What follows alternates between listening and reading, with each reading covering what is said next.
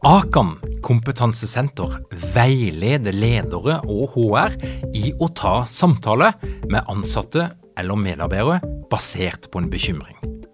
Akan setter ledere og medarbeidere i stand til å forebygge og håndtere en problematisk bruk av alkohol, narkotika, legemidler, spill eller doping blant ansatte.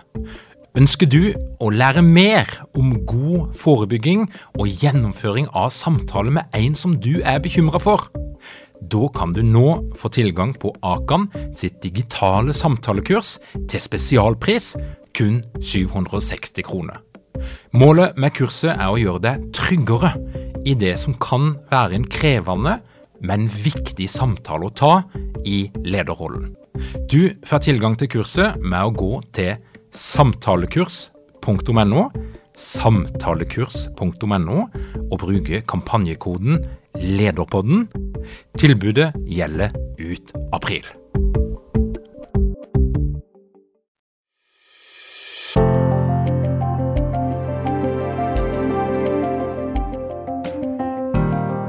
Velkommen til Lederpodden. Mitt navn er Tor Åge Eikerapen. Jeg jobber som organisasjonspsykolog og foredragsholder, og dette her er en podkast om ledelse. Hvis det er én ting som det snakkes mye om rundt forbi i disse dager, så er det begrepet læring. Og eh, jeg har fått med meg i dag en gjest som er en spennende person. Han brenner for læring i organisasjoner. Sveinung Skålnes, velkommen til Lederpodden. Tusen takk. Veldig kjekt å være her. Du er en eh, fyr som jeg har fulgt med på i eh, mange år, og det viser seg at vi har fulgt med litt på hverandre. Ja. Det er jo veldig gøy, men du er opprinnelig fra Mandal.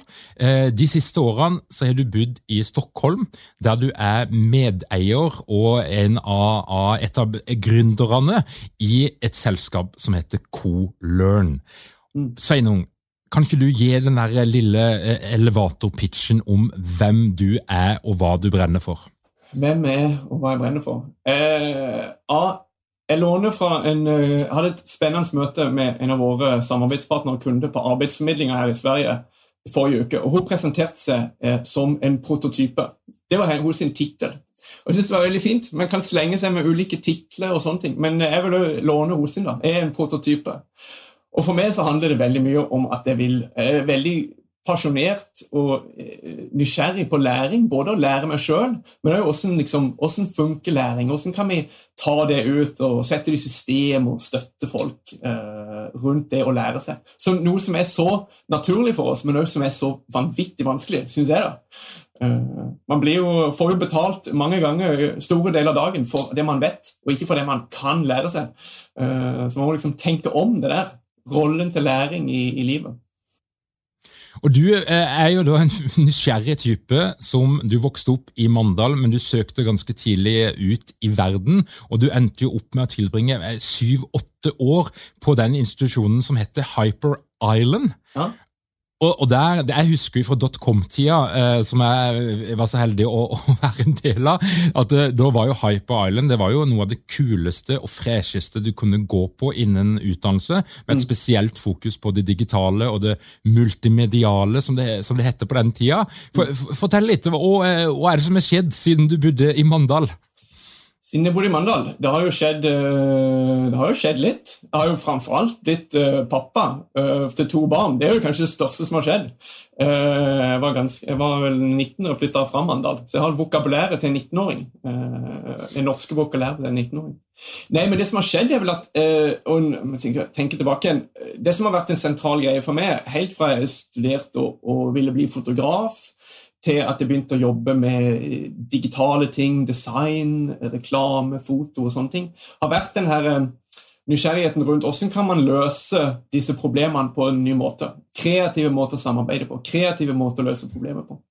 Og det har jeg tatt med meg inn. Jeg kom jo inn til den, til den, arbeidsplassen som jeg hadde i mange år på Hyper Island gjennom at jeg ville digitalisere meg sjøl. Var utdannet, en av de siste som ble utdanna innen analog foto i, i, eh, i, en skole utenfor London, der liksom rektoren sto på første benk første dagen og sa liksom det motiverende talen så her 4% av dere kommer til å jobbe som fotograf når dere er ferdig etter tre år og en halv million i gjeld. Lykke til! Uh, og da innså jeg ganske fort jeg må være kreativ på hvordan jeg skal omsette mine ferdigheter, interesse og hvordan jeg skal navigere dette. Og Det har vært en sånn rød tråd, og jeg begynte ganske tidlig på universitetet der og liksom å utforske men hva betyr det her kreative samarbeidet. da? Og Det tok jeg inn eh, i denne verden på, på Hyper Island når jeg ville digitalisere mine kompetanser. Og de siste, når jeg jobba på Hyper Island de siste fem årene der, så holdt jeg mye på med den digitale digitaliseringa og omstillinga til da en, som du beskrev det, som et progressivt i framkant, framkant utdanningsselskap. Men hvordan ser digitaliseringa ut for et sånt selskap? da? Så Det var veldig spennende å drive og jobbe med den forandringa. Så jeg holdt på å etablere våre første online-kurser for mange år siden. Begynte med, med, med, med å se, stille om portfolioen fra, fra, en bilde om læring og, og utdanning som handler om at magien skjer i rommet og at man må være på plass, og det der personlige møtet, veldig viktig. Hva skjer med det eh, når vi skal eh, jobbe distribuert, når vi skal kommunisere digitalt osv.? Ja. Og For noen få uker siden så kom jo da Microsoft med et, en ny del av Teams. Er det mm. Vida, er det det det heter?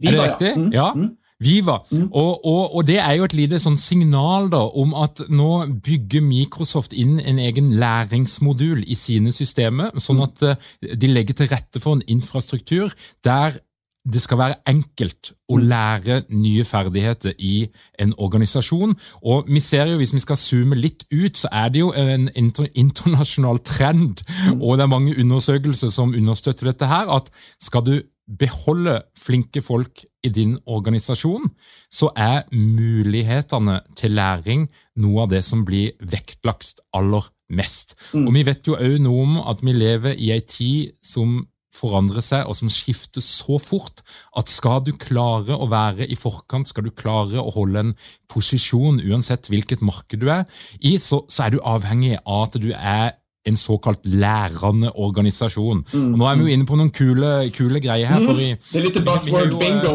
på den. Ja, ja, ja. ja, ja, ja. Men altså, i, vi, vi, har jo Agyris da, i organisasjonspsykologien som har snakket om den lærende organisasjonen, der en hele tida prøver å finne roteårsakene til hvorfor ting går galt, og der en lærer sine feil, der mm. en er i en sånn kontinuerlig prosess. Og så er jo jeg en misjonær for indre motivasjon. Mm. Og Der vet vi jo at det som driver flinke folk, eh, de som gjør det bra på jobben, de som har det bra på jobben, det er jo blant annet opplevelsen av mestring. Mm. Det å beherske noe i dag som du ikke trodde du skulle klare i går. Mm. Og, og må, Det er jo der du kommer inn, Sveinung, for du er jo da en, en person som hjelper virksomheter å sette læring i system. Mm. Og Så vidt jeg skjønner, så jobber du ikke helst med litt større virksomheter, altså der det er litt stor skala på det. Men, men kan ikke du fortelle litt, hva er problemet? Mm. Hva er det organisasjoner sliter med når det handler om å skape læring i stor skala? Mm. Men jeg tror Mye av det handler om hvor man kommer fra, og hvordan man har sett på læring tradisjonelt. Så Det handler om å gjøre noen, noen, noen skifter. da. Uh, tidligere har man kanskje sett at læring er noe som handler om uh, uh, det handler om uh, mer sånn ferdigheter og kompetanse som du skal liksom booste opp for å gjøre jobben din. Uh, og så skjer det en gang i året, kanskje på kurs, uh, kanskje det til og med bare skjer på skolen. Og så eies det domenet av HR. og en annen, en annen, viktig rolle for HR det er jo å minimere risiko for, for selskapet. både for utbrenthet, men også for holdbarhet. så det med at liksom man ser på å flytte fokuset med at det er HR som sitter og skal være nødvendigvis flaskehalsen og, og for, for, for, læring, til å få det mer ut inn i lederskapet, ut til medarbeiderne. Uh, og da er det jo flere ting. Det er jo Hvordan skaper man forutsetninger for at folk kan lære seg? Hvordan bygger man inn uh, læring som en naturlig del av måten vi jobber på, istedenfor å skille det ut fra arbeidet? Uh, det er én bit, og der må vi jo støtte ledere til å bygge et case, til å bygge sin kompetanse. Vi prater mye om accidental educators man, eh, de fleste i dag. Det man, man, prater om kanskje accidental leaders også. Uh, med at man ikke nødvendigvis Lederskap er ikke noe som man nødvendigvis var på vei til å ha forberedt seg veldig på, men man havner i en situasjon der man skal være leder. Og da man havner i en situasjon der den moderne lederen i dag skal kanskje være en, en ja, for, Vi leter etter et bedre uttrykk, da, men en lærer. Noen som kan muliggjøre læring. Mm. Så Det er jo én bit. Og den andre biten som jeg synes er veldig interessant, den er liksom litt, litt topp ned, så har man den der uh, nedenifra opp, som er medarbeiderne sin evne til å lære seg. For vi, vi, kan, vi er jo veldig bra til å lære oss som barn. Da er vi bra på å være kreative, vi er bra på å lære oss. Og, og, og, men den, den, blir vi litt sånn avlært med under, under, veien. Så det med å komme i kontakt med sin indre motivasjon, sine kanskje styrker og svakheter når det kommer til vaner, hva man vil, uh, finne rett nivå på utfordringer osv. Og, så og det med å kunne navigere um, sin egen karrierevei, som ikke nødvendigvis er den her eh, trappestegene som du skal ta. Det er jo en rød tråd blant veldig mange av våre kunder, at de vil bort ifra den her HR- og personalavdelingsstyrte karriereveiene og gi medarbeiderne verktøy for å lede sin egen utvikling. Um, og da kommer, egentlig, da kommer, du til holdbarhet egentlig på et nytt nivå, opplever vi. fordi at det å lære seg hele tida, og hele tida være i denne læresonen og stretch-sonen, det er jo ikke nødvendigvis holdbart. Vi må jo gå mellom å lære oss og mestre og, og, og ta pause og hente inn eh, energi og gå ut og stretche igjen. Så det med å få inn læring på holdbar, en holdbar måte, det tror vi liksom er nøkkelen da, til å skape holdbare organisasjoner som er forandringsdyktige, som har mulighet til å henge med i svingene, og som kan attrahere og beholde de beste talentene eller de beste ressursene. Og Dette her er kule greier, for jo, eh, det er jo noen begreper som en kan bli litt svulstige og litt voldsomme, men agilitet mm. er jo et sånt et begrep som da jeg har skjønt betyr cirka noe sånt som antifragilitet, mm. som altså handler om at selv om en Vanligvis så tenker vi at hvis en organisasjon blir veldig stor, så blir det et tankskip som ja. er fryktelig vanskelig å snu på, og derfor så blir du òg lite tilpasningsdyktig. Mm. Og denne agile tankegangen handler om å designe organisasjoner som til tross for at de kan være ganske store, klarer å snu seg rundt, klarer å ta inn ny kunnskap, klarer å være fleksible. Og Det er jo litt det du snakker om her, mm. eh, egentlig. Og åssen kan du skape læring som, som, gjør at organisasjonen får denne fleksibiliteten, at den raskt kan bevege seg når ting skjer, som f.eks det som skjedde 12. mars i Norge, mm, når, mm. når, eh, verden stengte ned. Mm. Nei, Men hva er det som kjennetegner, det, ja, hva er det som kjennetegner de her eh, lærende organisasjonene? For Hvis en da tenker tilbake, så, så har det jo vært en tradisjon, som, som du sa, ja, Vi sender kanskje noen på kurs av og til. Mm. Uh, på alle de som har vært på sånn HR-kurs eller på noe i, i regi av f.eks. HR Norge i, i, Norge, så vet vi at det er særdeles populært å reise på kurs. Være på et uh, hotell, uh, spise godt og, og, hygge seg. Og så mm. reiser du tilbake med et pålegg om å dele med dine medarbeidere, men det skjer relativt sjeldent. Og så er du på en måte ute av den bobla. Men Sveinung, fortell litt, hva er det som kjennetegner de organisasjonene som faktisk greier å skape reell læring? Mm. Ja, jeg tror det, det handler om å, om å, knytte det til, uh, til kjernen av virksomheten. Hvis, så lenge det er noe som er litt sånn der på uh, nederst på lista på prioritet, en litt sånn nice to have, Uh, greie, så kommer det ikke til å bli prioritert, spesielt når det går fort i svingene, og spesielt når det, når det, når det, når det blir vanskelig, og det er kanskje der man trenger det som mest. Så det med å drive egentlig få det inn i, altså en, en grunnleggende ting er å få det inn i språket. Prater vi om vår øh, hva sier man da? På svensk sier man formåga, øh, ferdighet. Mm. Uh, prater vi på et, på et, strategisk nivå, på et, på et, liksom et, eiernivå, på et styrenivå, om vår organisasjons uh, evne til å lære seg og forandre seg? Hvordan kan vi måle det? At, og Da handler det om å få inn disse spørsmålene på øverste nivå. Uh, og så handler det om å se på ah, ok, hvordan, vi, handler det om å få det inn i, i, kulturen. ok, Prate om det, skape forutsetningene med å ah, støtte, støtte, medarbeidere med verktøy, med prosesser. Kanskje man istedenfor skal lære seg Det blir litt meta, da, men vi tror jo liksom at, at, at om man blir bra på å lære seg, så kan man lære seg det meste andre ganske bra. Uh, og det er noe med det altså det har jo vi sett, og det er en sånn rød tråd som vi har sett med de kundene som vi jobber med nå. De har identifisert læring som en strategisk viktig pilar i sin uh, framtidige suksess for selskapet generelt. For de tror at vi løser det der metaproblemet som kommer med, med forandring og resiliens og, og forandringsevne, så kommer vi kunne løse disse andre tingene som kommer. Og, og, da handler det alt fra om å støtte medarbeidere til å identifisere sin, sine drivkrafter. Det, det, er modig gjort av, av disse selskapene, for det, det, åpner jo opp for at det er ok å tenke individ, det er ok å tenke min egen reise. Men når man støtter medarbeidere i å finne denne motivasjonen, sette sine egne uh, utviklingsmål, uh, skape verktøy for å kunne ta jobbe med de tingene inn i hverdagen. Jobbe med refleksjon, jobbe med uh, ja, stretch goals, der man liksom setter ja, men her vil jeg utfordre meg sjøl. Eh, men òg å, skape forutsetninger for at man kan dele med seg av det som, som man lærer seg. det faktiske kunnskapen og de faktiske ferdighetene. På en måte som òg liksom åpne opp. Det, det, krever en transparens, det krever en åpenhet. og Det, kan, det krever ganske mye for, av en leder å, å kunne jobbe på, med disse spørsmålene eh, på en måte som møter folk der de er. Eh, og Ulike organisasjoner har jo veldig ulike si, forutsetninger. Eh, visse, vi, visse, av våre som vi jobber med, og vi, vi har veldig gøy å eksperimentere mye med å samle flere selskaper sammen og gjøre samutvikling av våre produkter og våre tjenester, der de selskapene får liksom være med og forme basert på sine behov. og Der ser vi at arbeidsmidlinga og Spotify og, og Ica og, og Oatly og, og ja, Skogseier, Skogseierforening de har en del ting felles, og så har de en hel del ting som er helt forskjellige.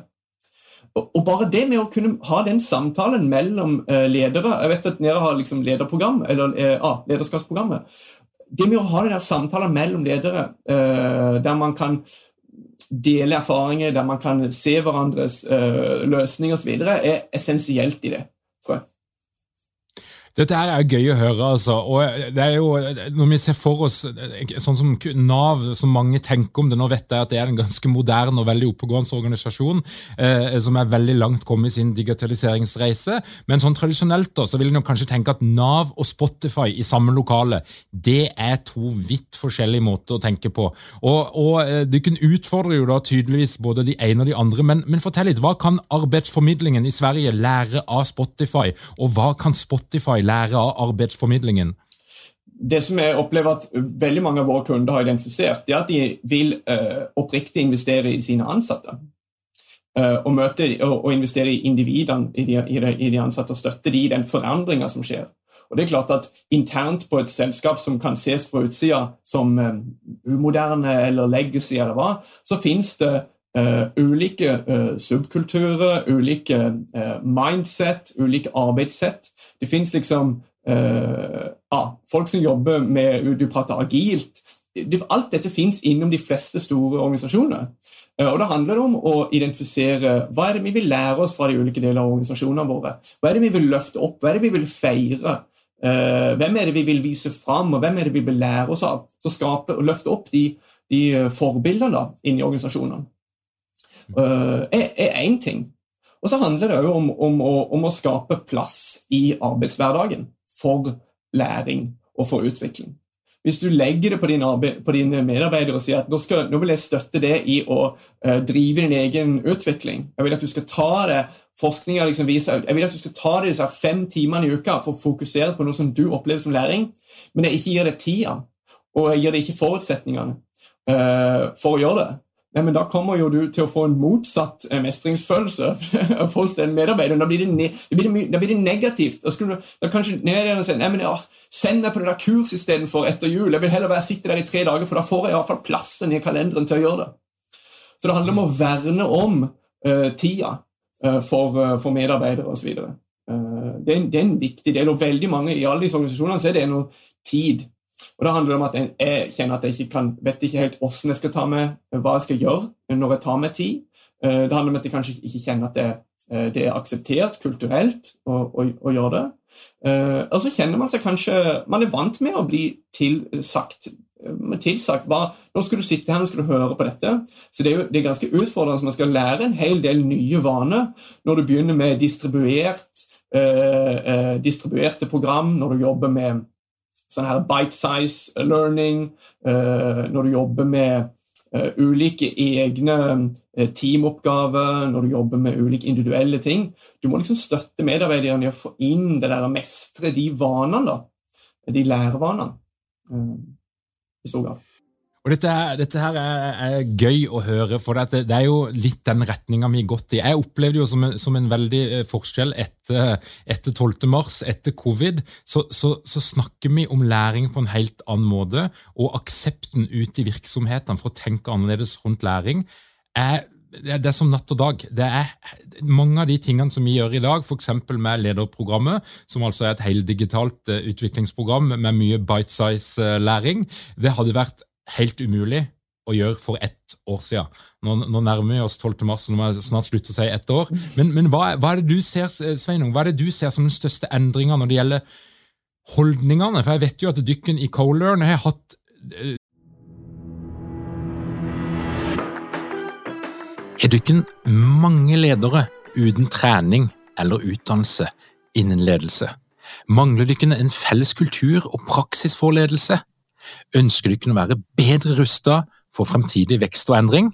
Da kan et internt lederutviklingsprogram være en god investering. I Execu er vi eksperter på å designe og gjennomføre bedriftsinterne lederutviklingsprogram.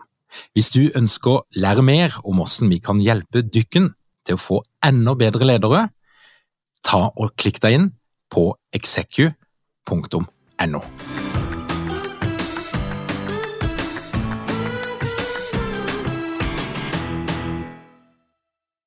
dykkers tanke om hvordan ting bør gjøres. Mm. Men, men, eh, og det kan en ha ut fra teori og forskning, og sånn, men det å sette det ut i livet mm. har vært litt krevende. Men hva ser du mm. som den største endringa ute i de virksomhetene som dykken jobber med? Ja, men På ulike nivåer. For det første så er det veldig mange som tidligere ikke hadde hatt noen eh, digitale eh, opplevelser, digitale møteopplevelser, digitale læringsopplevelser, som under det siste året har fått bekrefta sin verste frykt om at det ikke funker digitalt. For de har hatt så mye dårlige møter, de har hatt så mye dårlige kursing. de har hatt så mye... Det, bare, ja, det har blitt ah, det var det jeg sa. Kan, det funker ikke, vi må, vi må tilbake igjen. Det er på en måte, så det, det har blitt et skille, tror jeg, mellom uh, de som har fått liksom, støtte i sin, i sin, fantasi om at det her funker ikke, teknikken er fienden. Uh, og så har det vært de som har blitt positivt overraska, og som har uh, vært åpne til den forandringen, og som har fått uh, støtte av sine, sine, sjefer og sin organisasjon til at ok, ingen av oss har gjort dette her før.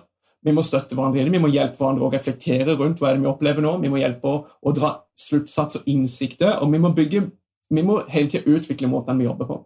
Så på en måte så har det blitt et skille, så det handler veldig mye nå, tror jeg, om at ikke organisasjonene bare liksom faller tilbake, for det kan kjennes veldig trygt å ville bare tilbake der, men å reflektere på hvilke av disse nye vanene vil vi ta med oss.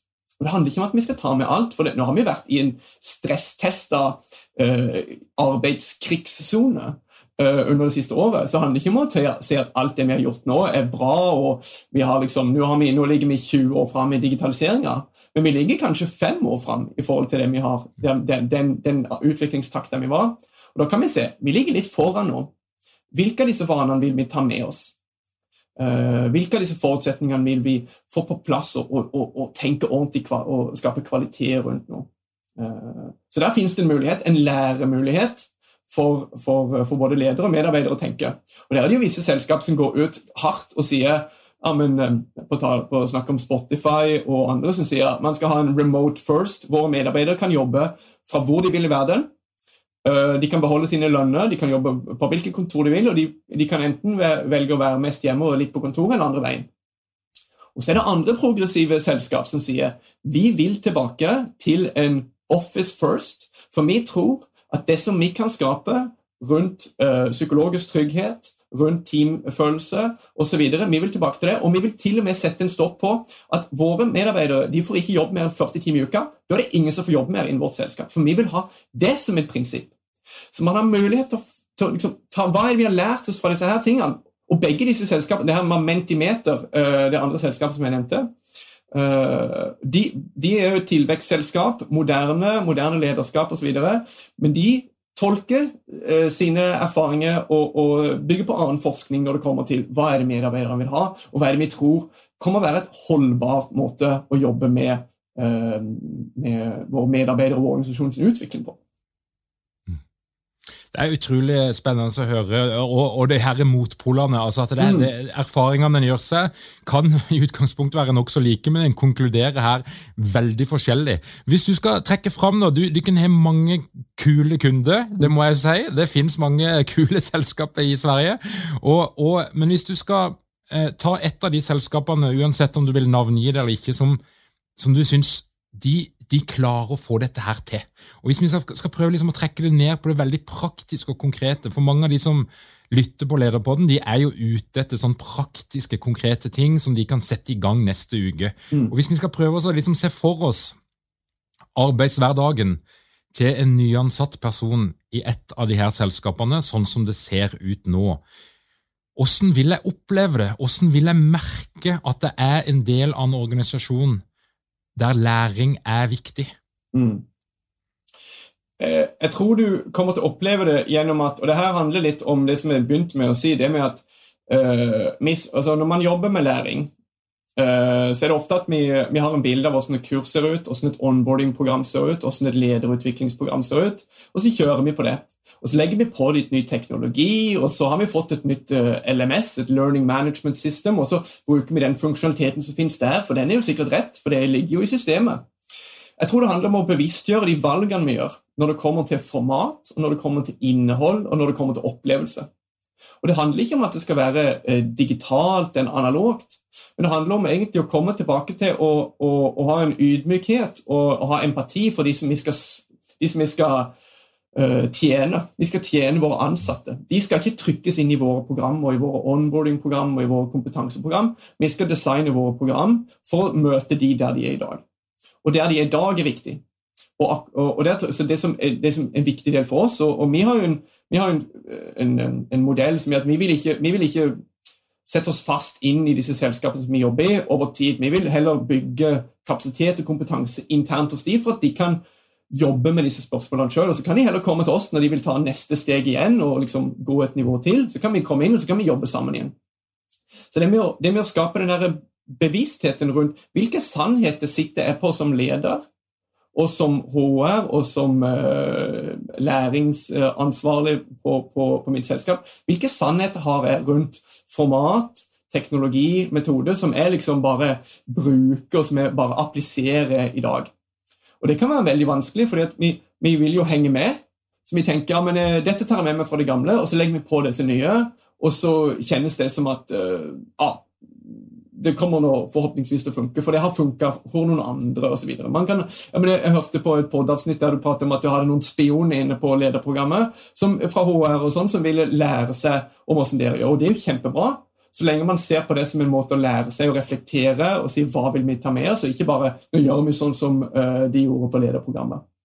Så det med liksom å, å, å, å, identifisere hvilke sannheter du har rundt læring, uh, og hva som funker osv., og ha dialog med sine medarbeidere rundt det. Hva funker for dere? Og så videre. ha en åpenhet rundt det, og så designe og skape opplevelser derfra. Som kan være superanaloge og som kan være en kombinasjon av liksom high-tech og, og, og low-tech. Og som ja, eh, ah, Det kan være live og det kan være face to face, og man kan finne hybride måter å gjøre dette på. Så det tror jeg det er en sånn ting som er et, et, et og Der har vi sett at det, det, det der vi kan kanskje gjøre den største skalbare effekten når det kommer til å støtte uh, utdanningsavdelinger og HR og learning and development. Det er å hjelpe dem med å svare på de vanskelige spørsmålene som de har, som sitter i de sine sannheter. Så kan vi gi dem verktøy for det, og så kan de gå ut og skape verdens mest relevante program for sine medarbeidere. Der trenger de ikke oss, for de kjenner de så bra. Men så, ja, våre rammeverk for å stille de spørsmålene, det har vi sett, at, eh, det har vi sett på som en sånn eh, er en, en, multiplikator, altså noe som virkelig kan, kan, multiplisere effekten av investeringene. Det er å skape liksom, bevissthet rundt hvilke sannheter er det som opererer innenfor vår virksomhet når det kommer til læring. Og der, for eksempel ICA, kunne hadde jo en, et webinar for ikke så lenge siden med, mm. med ICA, og, og, der de forklarte litt hva de gjør for noe. og, og ICA er en kunde av Lykken. Um, og det, er, det, var jo sånn relativt konkret. Kan ikke du forklare litt, hvis vi nå tenker at ICA er litt best i klassen, eller iallfall blant de bedre i Sverige på å implementere denne tankegangen og, og legge til rette for, for læring. Uh, det var det inntrykket jeg satt igjen med. Mm. Um, og hva er det de konkret gjør? De, eh, en, en, konkret greie som er inspirerende, som IKA har gjort, de har tatt en del av de verktøyene som, som uh, tradisjonelt sett kanskje bare var innenfor uh, læringsteamet, Learning and Development eller HR, og så har de uh, plukka de fra hverandre og satt de sammen så de skal være, forståelige for ledere og medarbeidere. Det vil si, hvordan skaper man en engasjerende teames forelesning, møte? Her er steg man kan uh, ta, og her er ting man kan tenke på. Og så spiller man inn bra video for eksempel, uh, og, og material når man sende, når man skal skape en informasjonsfilm eller en, eh, en, en, noe som skal følge et produkt osv. Ja, men bruk denne teknikken, og bruk de her tipsene. Så det som De egentlig har gjort, de har tatt verktøyene som tidligere bare var for learning professionals, og så har de gitt de ut i en forenkla form til ledere og medarbeidere for at man skal få en forståelse, og at man skal kjenne seg at jeg kan skape læreopplevelse, og jeg kan støtte mine uh, medarbeidere uh, av å lære seg. Og det fins enkle tips og triks som jeg kan bruke. Det er én måte. Og vi har altså som, som, som, Det som vi har gjort med ICA, det som vi har gjort tilgjengelig for mange kan, Vi har skapt en sånn guide der man kan som, som organisasjon kan liksom ja, man sier, Litt som en Spotify, eller, eller som en Man kan ha en abonnement da, for, for, for, en sånn guide som kan, kan, støtte det å skape læreopplevelse. Så det er en ting. Men en annen ting som ICA gjorde, som ikke de nevnte på det webinaret som, som vi hadde med dem, men det var jo at de hadde en veldig modig ledelse som sa vi investerer i dette på tvers av grupper. Og ICA i Sverige og Norden og i baltiske landene er jo forsikring, bank, dagligvare og apotek. Det er ikke bare dagligvare. På tvers av grupper så skal vi satse på læring mellom våre uh, organisasjonsdeler, vel, mellom våre ulike uh, bein. Og så skal vi gi disse folkene som jobber med dette, de som skal drive utviklingen i framkant, vi skal gi dem litt frie tøyler. Vi skal ikke måle dem på effekt det første året. For vi vet ikke hva vi skal måle. Det er ingen som vet hvordan man skal måle det, men vi skal gi istedenfor at man, For det kan være farlig om de sier ja, men får disse pengene og vi får disse ressursene, men da, vil vi måle, da må det gi oss noen eh, spesifikke mål, eh, måle noen KPI-er eller OKR-er som vi skal måle deretter. Det som med, med som skjer hvis du ikke vet uh, akkurat hva, hvilken effekt du kommer få, det er at du finner på noe. Du bare dikter opp en KPI OK, fordi at sjefen, sjefen, sjef sa jo at de trengte det. Det, det er eneste måten vi får de der pengene på, og disse ressursene. Uh, men det kan være veldig skadelig, for det er jo det som måles, som, uh, som kommer til å skje. og hvis du ikke vet hva du, skal, hva du, vil skal skje, eller vet hva du skal måle, og setter seg her er målet, så kommer du til å jobbe nettopp gjennom den linsa. Og så kommer du til å være en selvoppfyllende profesi basert på det lille du visste om dette nye, uutforska området.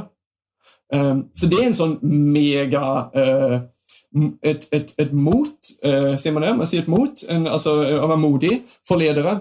Det å kunne si ja, vi, vi, gjør et eksperiment, vi prøver dette en periode. Vi vet ikke helt hva effekten blir, vi vet ikke helt, men vi ser at å få denne, dette spørsmålet, dette ordet, disse begrepene opp på agendaen, det tror vi på. For Vi tror at det handler om å skape holdbarhet for våre medarbeidere. Vi vet at læring og utvikling, holdbar læring og utvikling er viktig for mennesket. Og så vil vi være holdbare inn i framtida. Eh, og hvis du gjør den korrelasjonen og ser at våre, vi er bare så bra som våre medarbeidere, så er ikke den casen supervanskelig å dra på toppnivå, men du må ha modige ledere som tar imot han, og som beskytter han mot alle de andre tingene i organisasjonen som er veldig mye lettere å måle. Eh, så det er en sånn, eh, det tar, det, Man må være modig for å drive i framkant på disse tingene. Og Det er noe som en rød tråd, uansett hvor progressive eller uh, hvor sexy disse selskapene som vi jobber med, kan være for uh, menig mann, så finnes det et, en, en, modighet uh, en, som er en rød tråd hos de lederne som vi jobber med.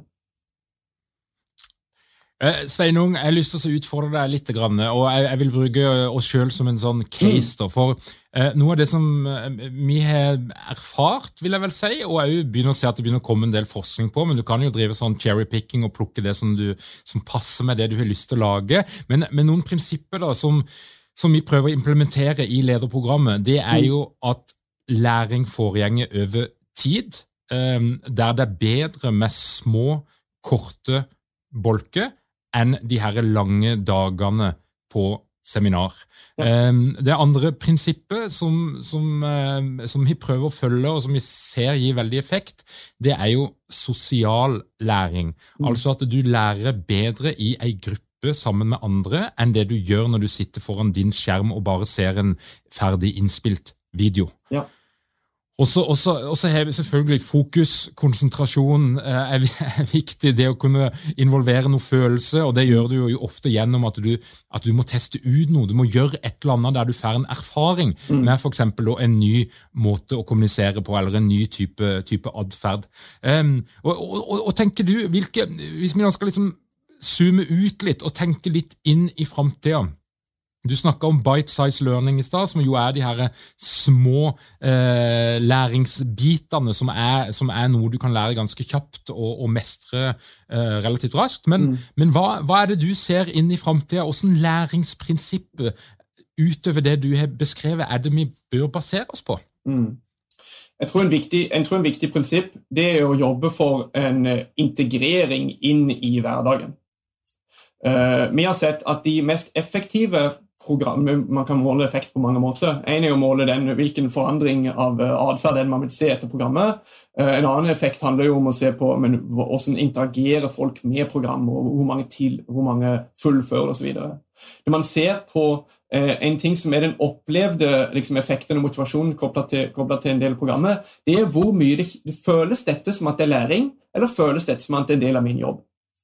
Og det, Da blir det veldig interessant, for da handler det ikke nødvendigvis om å finne de universelle læreplattformene, og det her er den beste læreplattformen. Det handler om å se på hvilke plattformer er det vi bruker i hverdagen på, i denne organisasjonen. Hvilke vaner har vi når det kommer til kommunikasjon, til samarbeid, eh, til, til, til Hvordan ser prosjekt ut, osv. Og hvordan kan vi skape våre læreprogram eller over tid, sånn at de egentlig rimer ganske bra inn i denne her flowen eller flødet eller, eller reisa som våre medarbeidere har i hverdagen.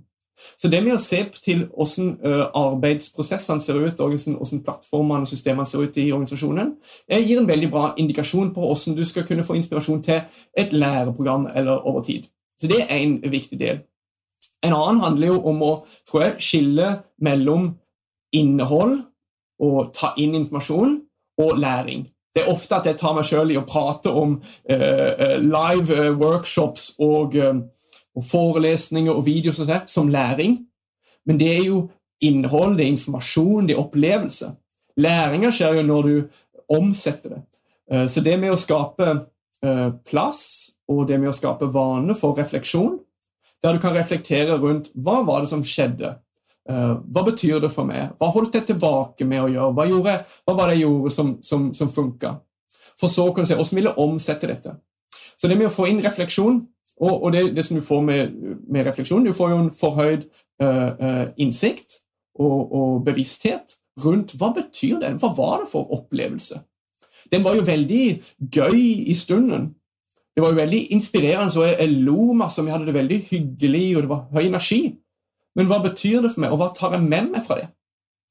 Uh, skille mellom de to tingene, og det egentlig støtter da, uh, medarbeidere eller, eller, deltakere med å gå mellom refleksjon og uh, utfordring. Refleksjon og utfordring.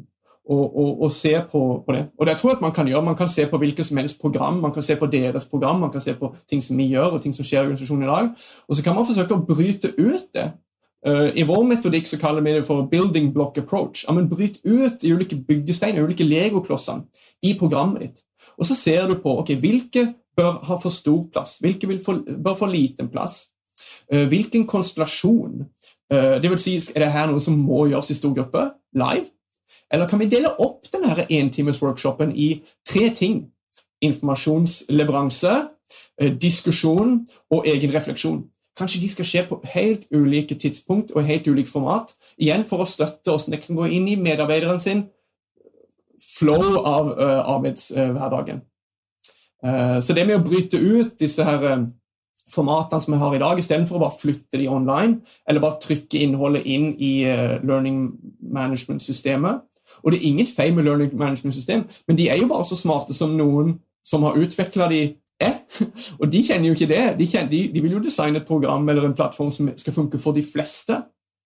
Uh, så det er ikke så rart om ikke alle funksjonalitetene stemmer helt med hvordan du vil jobbe. Så, så det med å, liksom, å bruke Teams, eh, Slack, uh, e-post, SMS vil, De systemene, de vanene, de kommunikasjonsplattformene som dere jobber med i dag, er kanskje der man skal begynne. Hvordan kan vi være kreative med å levere innhold og støtte til refleksjon og um, egentlig forandring da, i de plattformene? Det tror jeg er en viktig prinsipp. Sveinung Skålnes, dette her skal vi prate mer om, hører jeg. Tusen hjertelig takk for at du kom til Lederpodden. Takk for at jeg fikk komme. Super, super kjekt å prate. Takk til alle dykken som hører på Lederpodden. Som dykken kanskje skjønte, så var dette her altså en episode som ble streama live. Og eh, hvis du har lyst til å få med deg den type streaminger og ting som vi finner på, så gjenger du altså inn på lederpodden.no og legg igjen din e-postadresse. Der finner du òg videoen som hører til denne episoden. Igjen, takk for at du hører på Lederpodden. Jeg ønsker deg ei veldig god uke.